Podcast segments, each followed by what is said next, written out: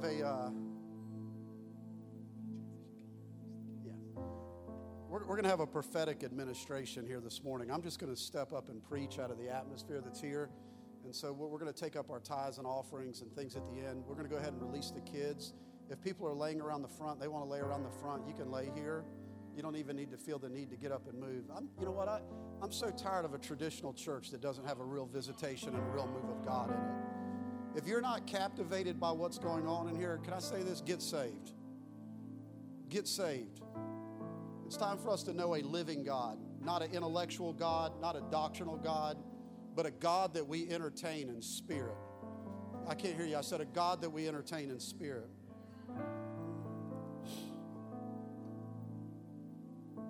I don't want to just read about Moses going up on a mountain and the presence of God coming down, and we sit and tell those stories in Sunday school, and our kids never experience the glory of God and the presence of God. Something wrong with that? Hello. Okay. If you have your Bible, turn to 2 Timothy chapter 4 this morning. 2 Timothy chapter 4. We're just going to jump into this. And I'm just going to preach. I tell you, I'm going to preach as long as I feel the inspiration of the Spirit to preach. And as soon as I'm done, I'm going to stop. And that's the way it's going to be. That's all we're going to do. And so we want to, we want to hear the voice of God this morning. I want to go back to 2 Timothy chapter 4. This is a passage of scripture that we launched out of in the beginning of the year. And I want to just kind of put the rudder back into the, to the water here so that we can get a direction that is set for us and, uh, or a direction that's kind of get us back realigned of where we prophesied and where we said we were going and try to help us uh, manage these days. 2 Timothy chapter 4, verse 1 says, I charge you therefore before God and the Lord Jesus Christ, who will judge the living and the dead. How many understand we're all going to be judged one day? I can't hear you. I said, How many understand we're all going to be judged one day? And we should live this life like we're going to stand before that day of judgment. Every decision that we make right now, every choice that we make right now, every relationship we get into right now, we should make them like we're going to stand before the judgment seat of Christ and we're going to give an account about the decisions that we're making and how it changed eternal things or whether it moved us away from eternal things. So Paul's writing Timothy this and he says, It is peering of his kingdom. Preach the word, be in season and out of season, convince, rebuke with all long suffering and teaching. I could stop right there. How many times do we even hear people get rebuked anymore in the body of Christ? How many times do we hear people be corrected and adjusted in the body of Christ? We give more spiritual authority to the little league baseball coach than we give spiritual leaders to shape us for a destiny that's going to prepare us to stand before judgment and be say, "Well done, my good and faithful servant." For the time will come when they will not endure sound doctrine, but according to their own desires, because they have itching ears, they will heap up for themselves teachers. And they will turn their ears away from the truth and be turned aside to fables. But you be watchful in all things, endure afflictions, do the work of the evangelist, fulfill your ministry. For I am already being poured out as a drink offering, and the time of my departure is at hand. And I have fought the good fight, I've finished the race, and I've kept the faith.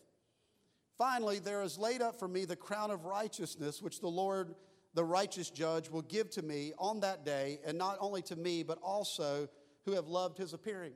How many in here would just say, We are living for the day that we are going to stand before Jesus and we're going to give an account for this life? I can't hear you. How many in here are making eternal decisions about the call of God that is on your life that you are living for that day that you are going to stand before Jesus when he asks you about what he gave you to do and what he asked you to do and the gifts that he put within your life. We're all living for that day or for that moment. Now, the key verse here in verse 5 is the one that we began to work out of in the beginning of the year is to do the work of an evangelist. Come on, Jim Morgan could say amen to that.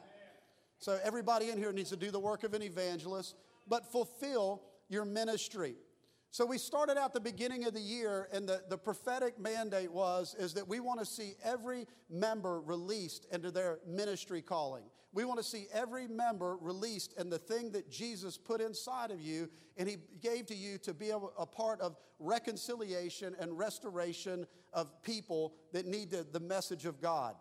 And so we've been working very hard behind the scenes. There's been a lot of administrative duties. There's been a lot of ministries that have been released. We now have a prison ministry going. We have a grief care ministry going. We have a soup kitchen going. We've got a battered women's ministry going. We've got all types of new ministries that are being released that we're going to continue to begin to focus on so that we can find the gifts that are in these seats and get them placed into an administration that will get this church mobilized so that we can see other people reconciled to God. How many would say amen to that?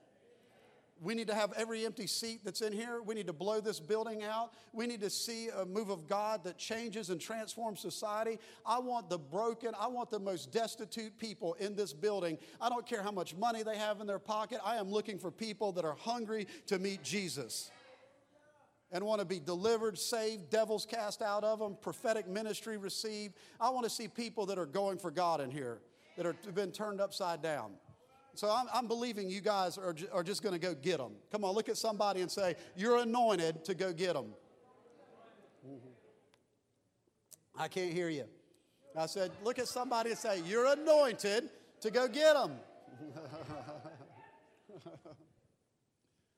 So we want to see you walking in this, this ministry calling, not a ministry identification. The word ministry here means to serve. And so every member in this church has something that you're called to help serve other people and to bring them into the kingdom of God, to bring them into restoration, to bring them in to reconciliation.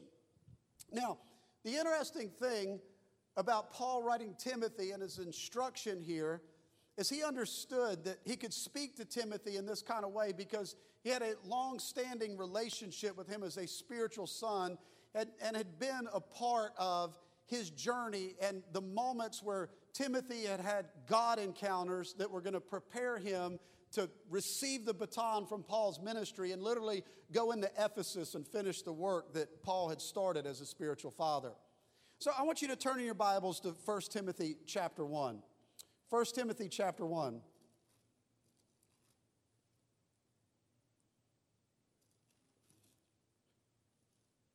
I want you to go to verse 18.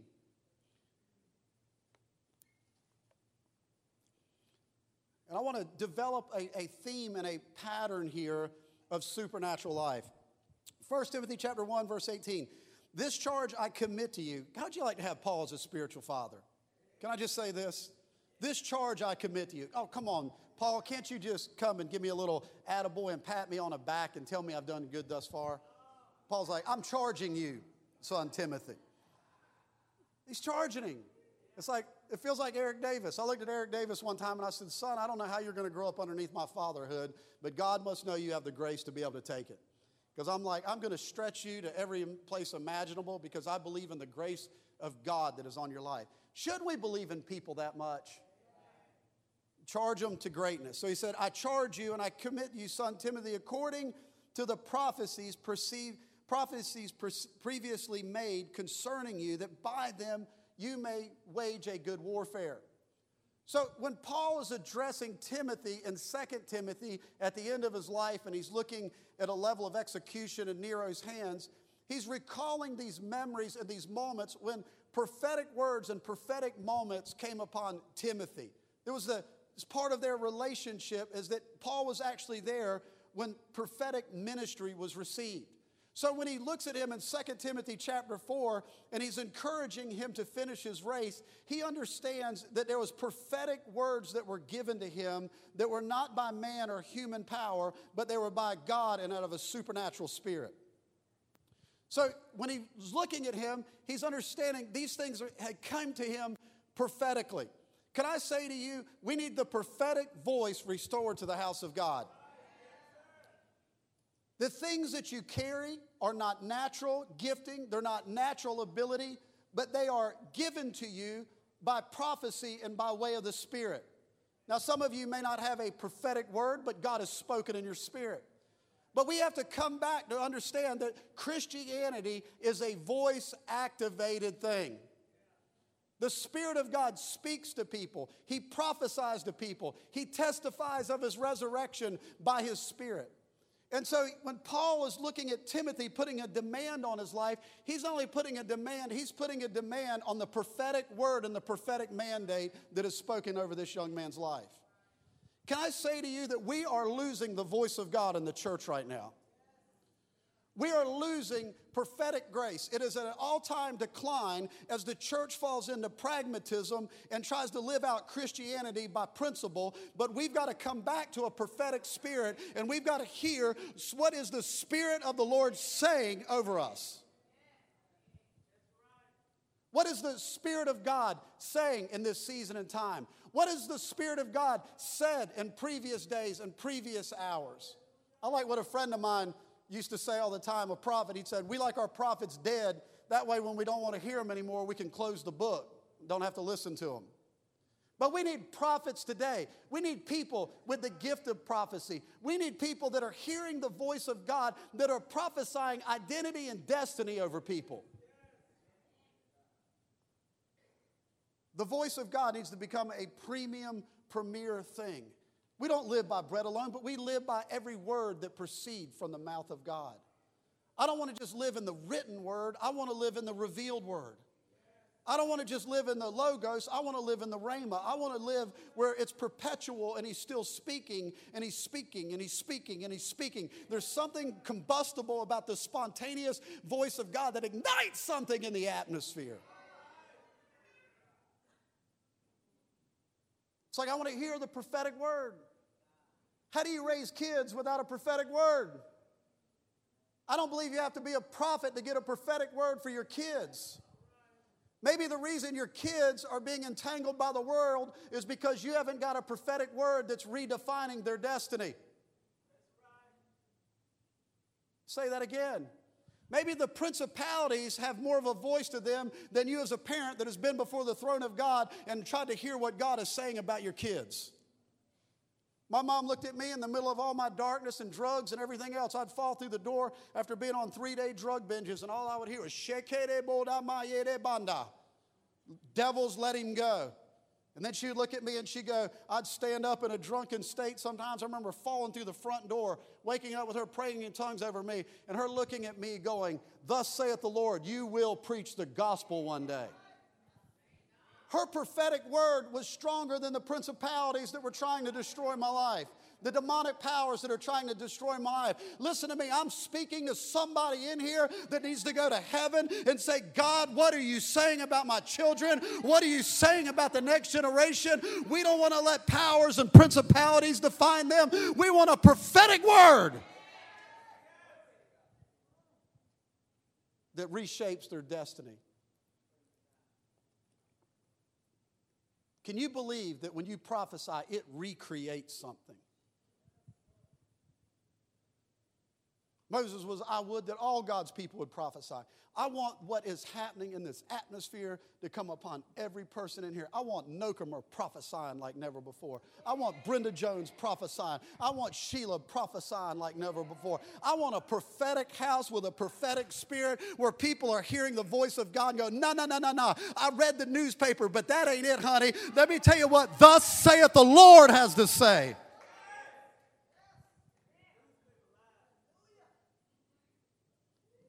People with a trumpet in their mouth, prophesying.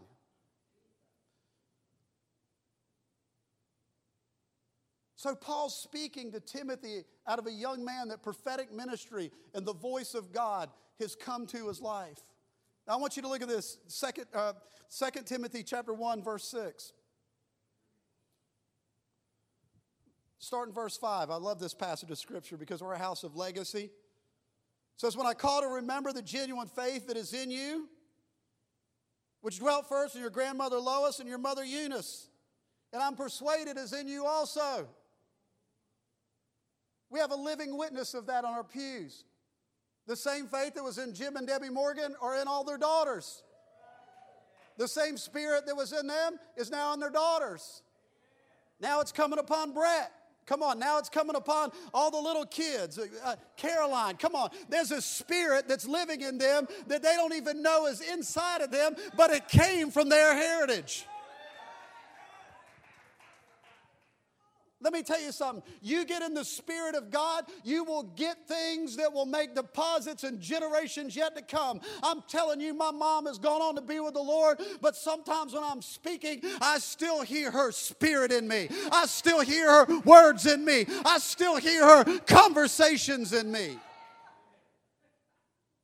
Prophetic things don't just go away. They continue to live on well after people are gone, and it's still speaking, it's still speaking, it's still speaking, it's still speaking. I'm telling you, I want CJ and all these young leaders that have grown up around me. I want something to get inside their spirit that times they may not be a prophet, but they stand up and start preaching and they go, I remember when I was in this meeting and hands were laid on me and the power of God came upon me. And it sounds like Paul. It's not Paul, it's Jesus, the prophet. He's still speaking. I never forget Tim Majors coming up on the platform. We had this meeting, it was a visitation. It was a visitation. I said it was a visitation. And God came in the church and I laid hands on Tim Majors, and you got to understand, Tim Majors is an engineer. He's an analytical guy. I mean, it's like it's like numbers and stuff. It's like everything has to line up and properly compute. And I laid hands on him, and I ain't never seen Tim move like that before. I mean, the power of God that hit him. I mean, he started like flying across the platform. Music stands were flying all over the place. It looked like a demolition stuff was going on. His body was like radiating across the floor. I mean, he had carpet burn on his elbows and all over. I just stepped back and I was like, you know, I laid hands on him. I felt it move through me, but I was like, this is Tim?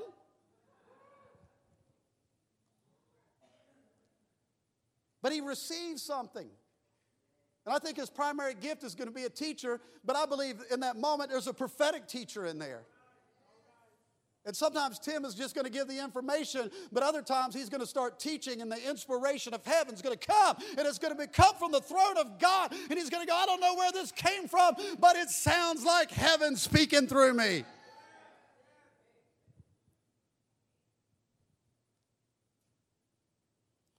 Verse 6 Therefore I remind you to stir up the gift of God that is in you through the laying on of my hands. For God has not given you a spirit of fear, but of power and of love and a sound mind. Listen to this. The reason that Paul knew Timothy could fulfill his ministry was because of two things the prophetic word and the impartation. The impartation. We've been around this charismatic movement where people have just laid their hands on everything and nothing's moved. But I'm telling you what, I believe in the power of impartation that comes through the laying on of hands in a prophetic moment. You have an apostle or prophet lay hands on you that's walking in his office and call, and you are going to receive a download from heaven that should change your life and everything that is around it.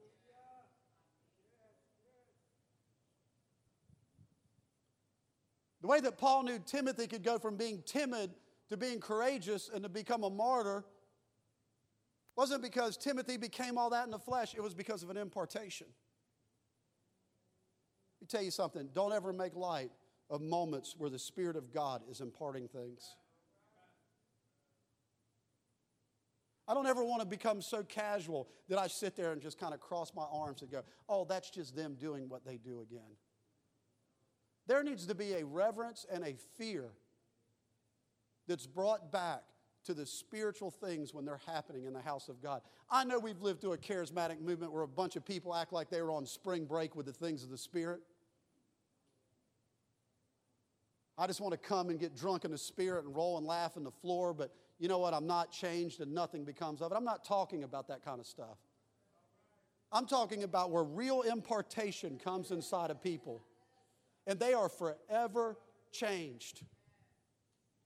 And they become agents of change because of the impartation that they received. Listen to me.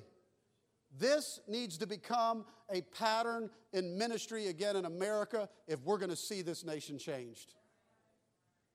I've had it with denominations of just packing out principles without power. I've had it with people talking about the words of Paul without the demonstration of Paul's life. How do we get to quote the men without the lifestyle and the power that they lived in? How do we just breeze over the scriptures about casting out devils and doing all these powerful things and then just act like that doesn't exist today? If it took it for the apostles, it's going to take it for us. Come on, I said, if it took it for the apostles, it's going to take it for us.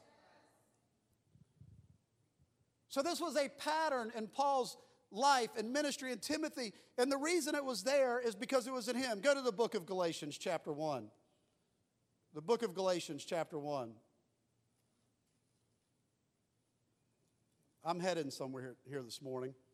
I'm not just preaching to apostles and prophets and leaders. Stay with me. Galatians chapter 1, verse 1. Paul, an apostle not from men, nor through man, but through Jesus Christ and God the Father who raised him from the dead. Could we just pray right now, just for a minute? God, give us Apostle Paul's again.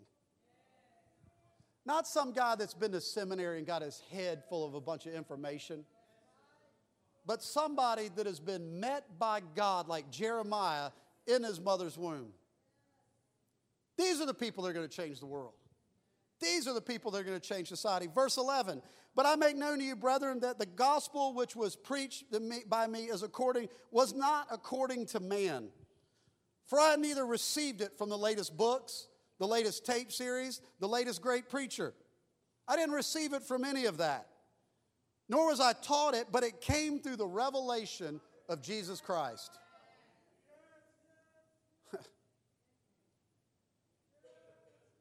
You want to know why things aren't shifting and changing in this country and the church? Because we don't have people like that right now. We got people that have a head full of doctrine and good ideas.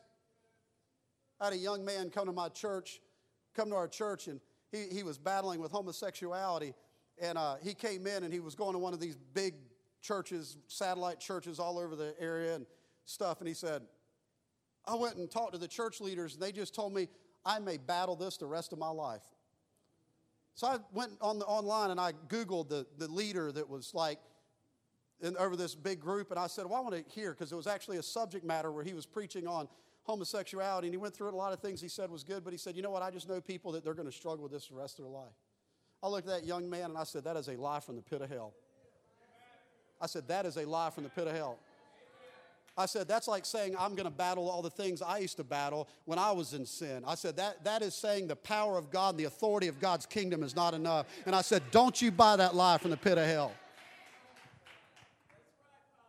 But we have to come up with these things that we say like that because we don't know the power of God and its demonstration.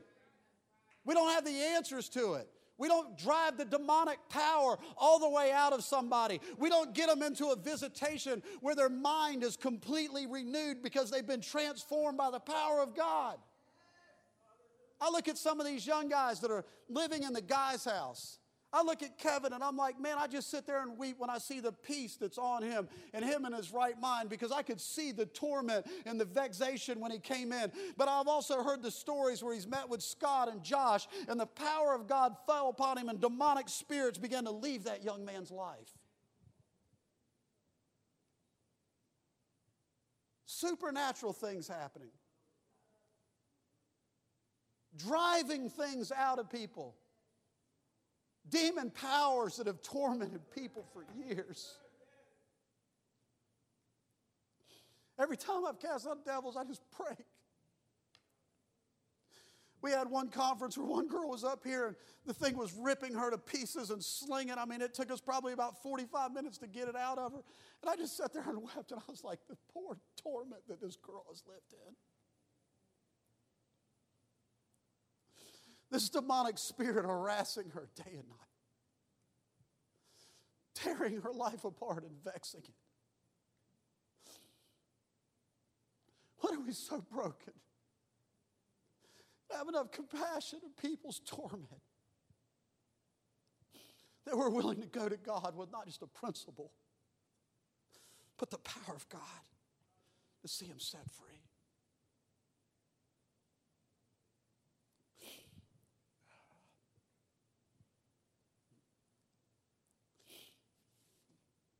Galatians 2, verse 1.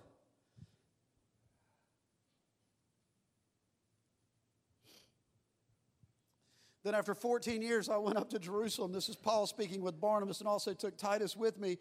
And I went up by way of revelation.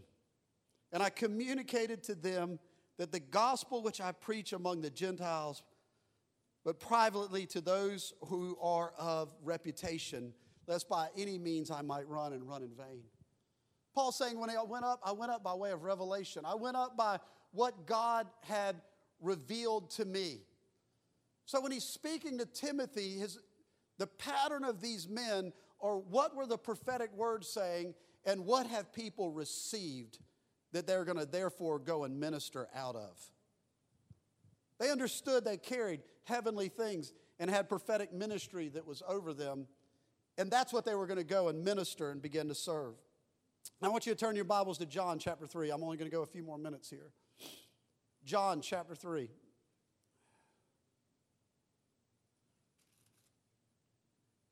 This is John speaking in verse 27. It said, John answered and said, A man can receive nothing unless it has been given to him by heaven.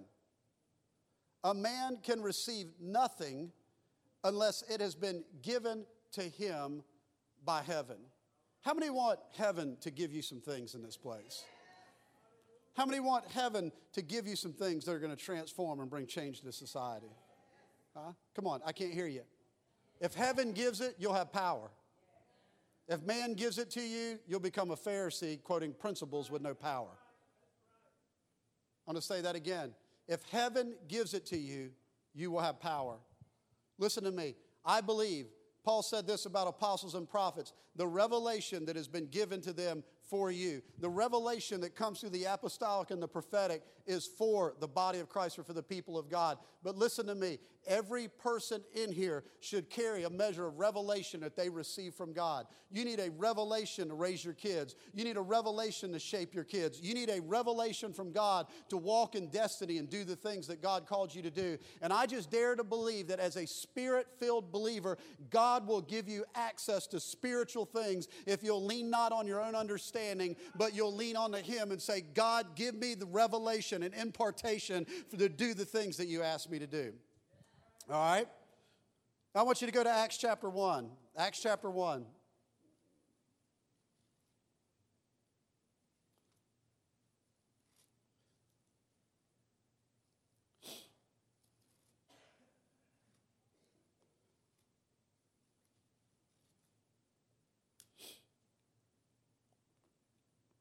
Verse 9. This is Jesus visiting his early disciples before the upper room. And it said, And when he had spoken these things while they watched him, he was taken up and they received out of his sight. And while they looked steadfastly toward heaven as he went up, behold, two men stood by them in white apparel and said, Who also said, Men of Galilee, why do you stand gazing up into heaven? This same Jesus who was taken up from you into heaven, he will in like manner as you saw him go into heaven. Now, I want you to just look up here. It's interesting that at the birth of the church that Jesus sent them to the upper room and basically told them to wait for power from on high before they went and did anything. So, in other words, their ability to accomplish what he was asking them to do, to be a witness in Jerusalem, Judea, and Samaria, and the uttermost part, meant that they had to receive an impartation. They had to receive the Holy Spirit that was going to give them the power to be able to go out and do it. And these men had enough understanding, and the women that were gathered together in the upper room, that outside of him we can do nothing. But on the other side of that, out of what we received, we can do all types of incredible things. So we find Peter on the other side of this going down saying, Silver and gold have I none, but what I have to you I give to you in the name of Jesus. So Peter knew that substance came from them, came to him in the upper room. he knew that when he stood under that open heaven, that heavenly things came down. He received things from heaven that he, when he began to walk through the streets of Jerusalem, that they were going to begin to manifest and demonstrate and touch people in an incredible way. Listen to me. You can't conjure up a supernatural miracle. But if you get in an open heaven where God is imparting things to you, these supernatural things become an everyday way of life. You can pray till the cows come home. But if you get under an open heaven where impartation and heavenly things are happening and supernatural things begin to take place, I'm telling you, you will carry substance that will change and transform people's lives. I've told this story here before, but I want to tell it again. I was in Kirksville, Missouri, and I was in a, an atmosphere of a conference where it was a prophetic meeting. All the prophetic guys were all fired up. I mean, we were like all guns going. I mean, people were like laid out all on the floor. The power of God was there. I mean, you could feel the authority of the kingdom. It was like heaven and earth had come together. I mean, it was like sitting right down upon us. I went home and I had somebody there watching my kids, and we decided to order a pizza because it was the only carnal thing we could think to do because we were such in the spirit. We ordered a pizza. The pizza guy showed up at the door. When the pizza guy showed up at the door, the power of God hit me right at the door. And I turned around and looked at him and I said, I have got a prophetic word for you. You may not understand this, but I need to tell you what God is telling me to tell you. I said, You're out here delivering pizzas not because you need a second job. I said, There is somebody in your family that's in a crisis situation, and you have taken on this second job to help them. And the guy fell down on his knees and started bawling and crying. He goes, Nobody knows this. He said, My mother has terminally ill cancer. She can't walk or get around anymore. And me and my sister took a second job so that we could go and we could buy medical equipment so that we could care for her. He said, How did you know these things? And I said, Sir, the God that's speaking you loves you and wants you to give your life to him.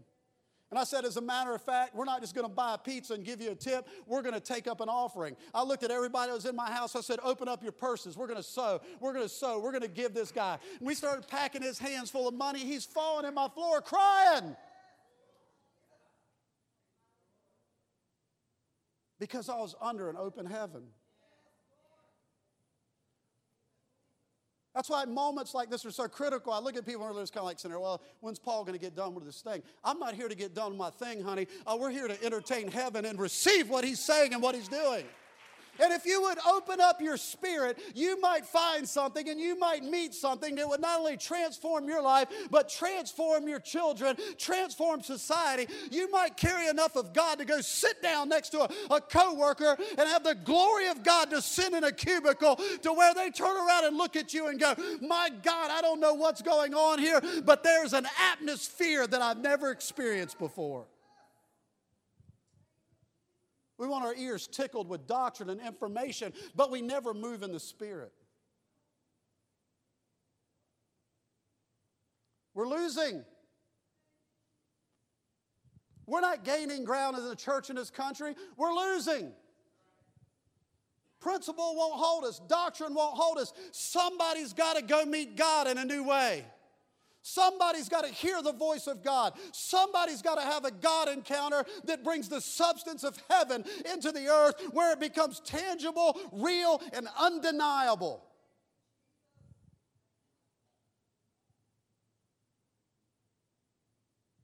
Moses showing up to Pharaoh, let my people go. He needed signs and wonders. He needed to see the supernatural power of God on display. Needed to see heaven move. Luke chapter 3, verse 21.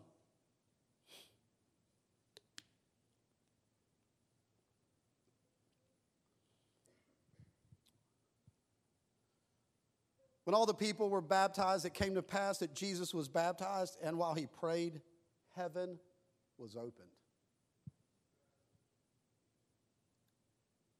Heaven was opened. Heaven was opened. Just let that marinate, marinate right there. Heaven was opened. Everything in the world was about to shift right now because heaven just opened up. In Acts chapter 1, that heaven opened up again. In Revelation, John saw heaven open up again. Now listen to this. While he, they prayed, while he prayed, heaven opened up, and the Holy Spirit descended like a, a, a bodily form, like a dove upon, upon, and a voice came from heaven which said, You are my beloved Son, in whom I'm well pleased. Before Jesus could fully get into his earthly ministry, he had to come underneath an open heaven.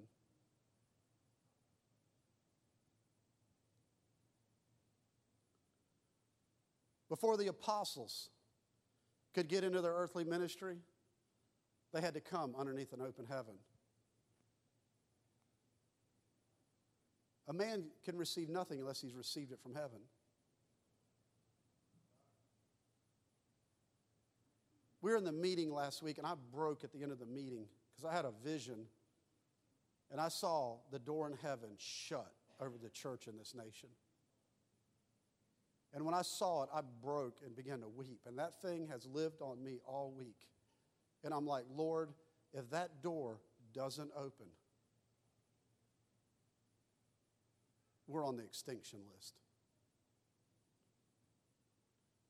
If we don't receive substance, impartation, prophetic ministry, if heaven doesn't open over us, we're but mere men left to an awful existence in a culture that is becoming very Babylonian in its likeness.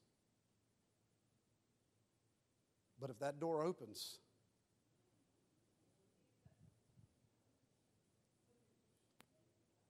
Nebuchadnezzar is going to have a confrontation.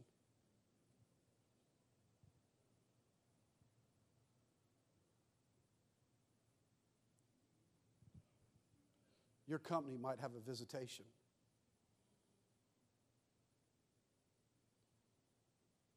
Everything can change. Genesis chapter 28, and I'm going to close. Genesis 28.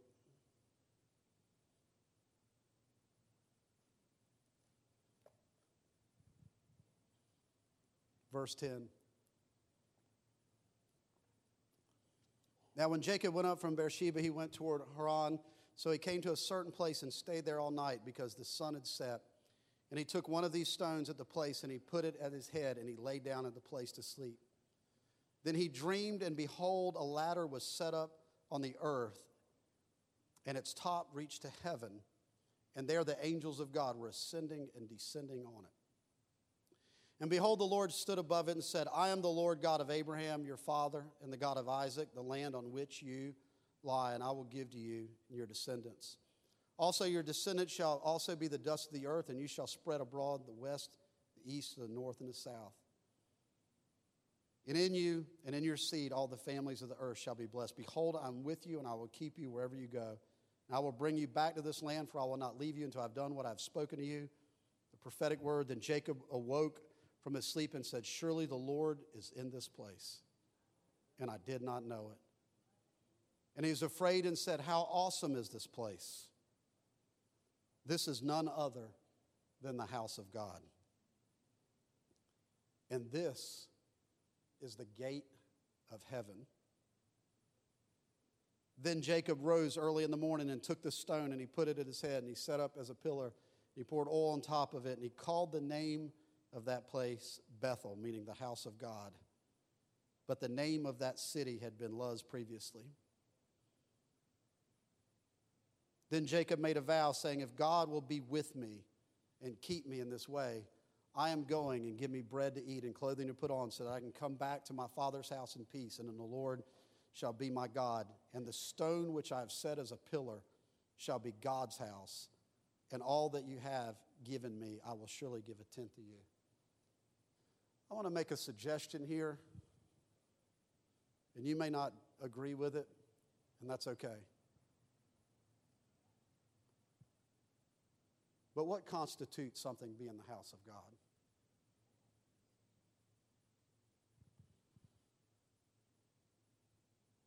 Is what we call the church really the church?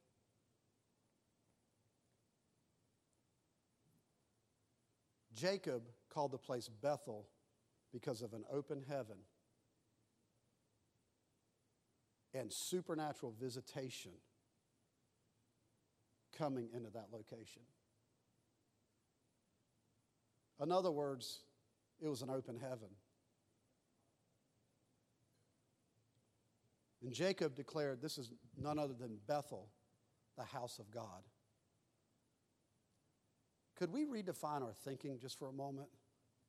That a box full of a bunch of people getting a bunch of information isn't necessarily the house of God.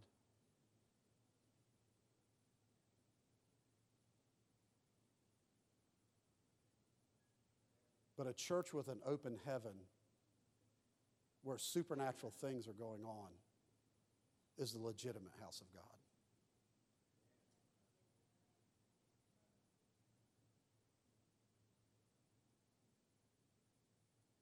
Isaiah said, Heaven is the throne, my earth is the footstool. Could it be that heaven should be opened up over the house of God and what happens at the throne comes down to the footstool and flows into the earth?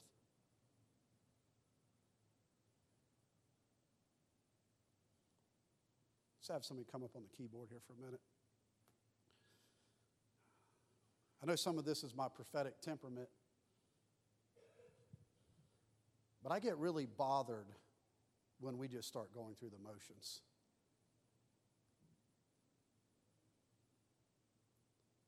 I get really weary when we just try harder and nothing happens.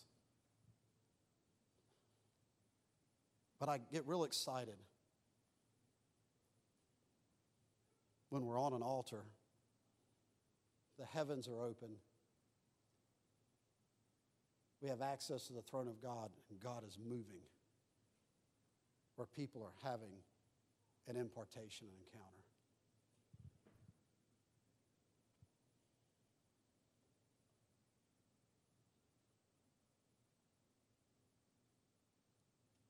That lets me know we're in it. We're in it. We're in it. I feel like this season of fulfilling our ministry is completely dependent on us entertaining an open heaven. Every time we don't entertain that open heaven, the source to do what we're called to do dries up, and we can feel the strain of it. But every time that heaven is open and we're underneath of it, we find the source and the power that we need to do the things that God's asking us to do so that we can fulfill our ministry.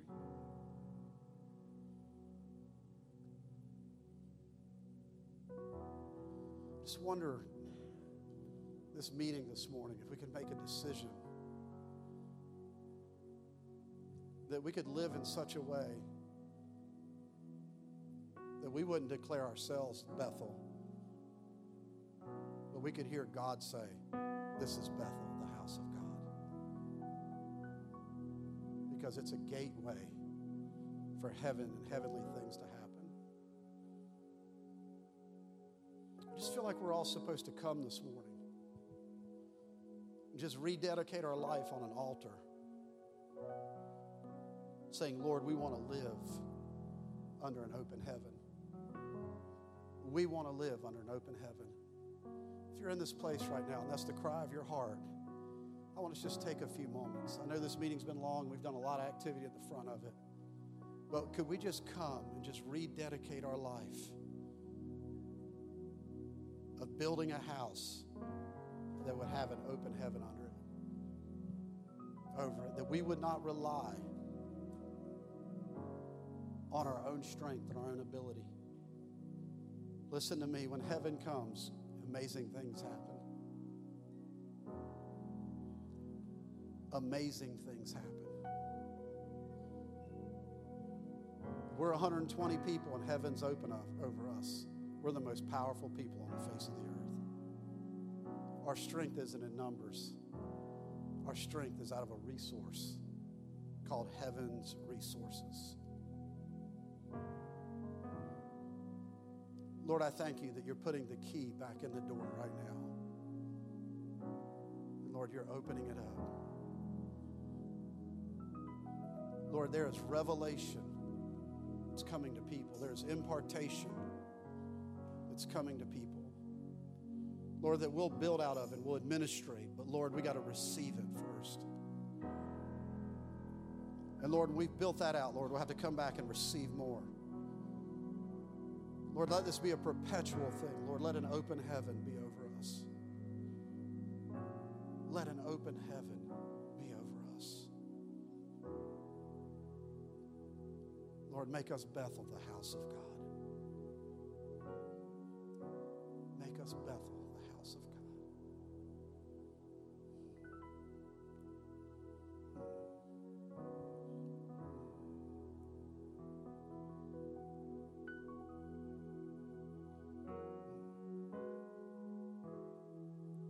Could you just ask Him?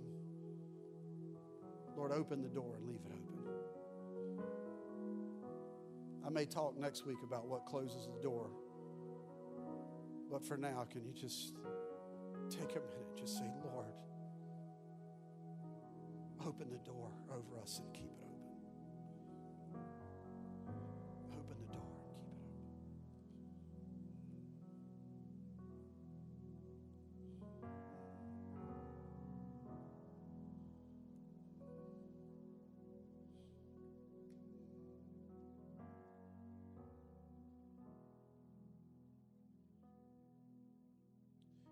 pray over Jennifer and Marcus, Lord, that heaven would.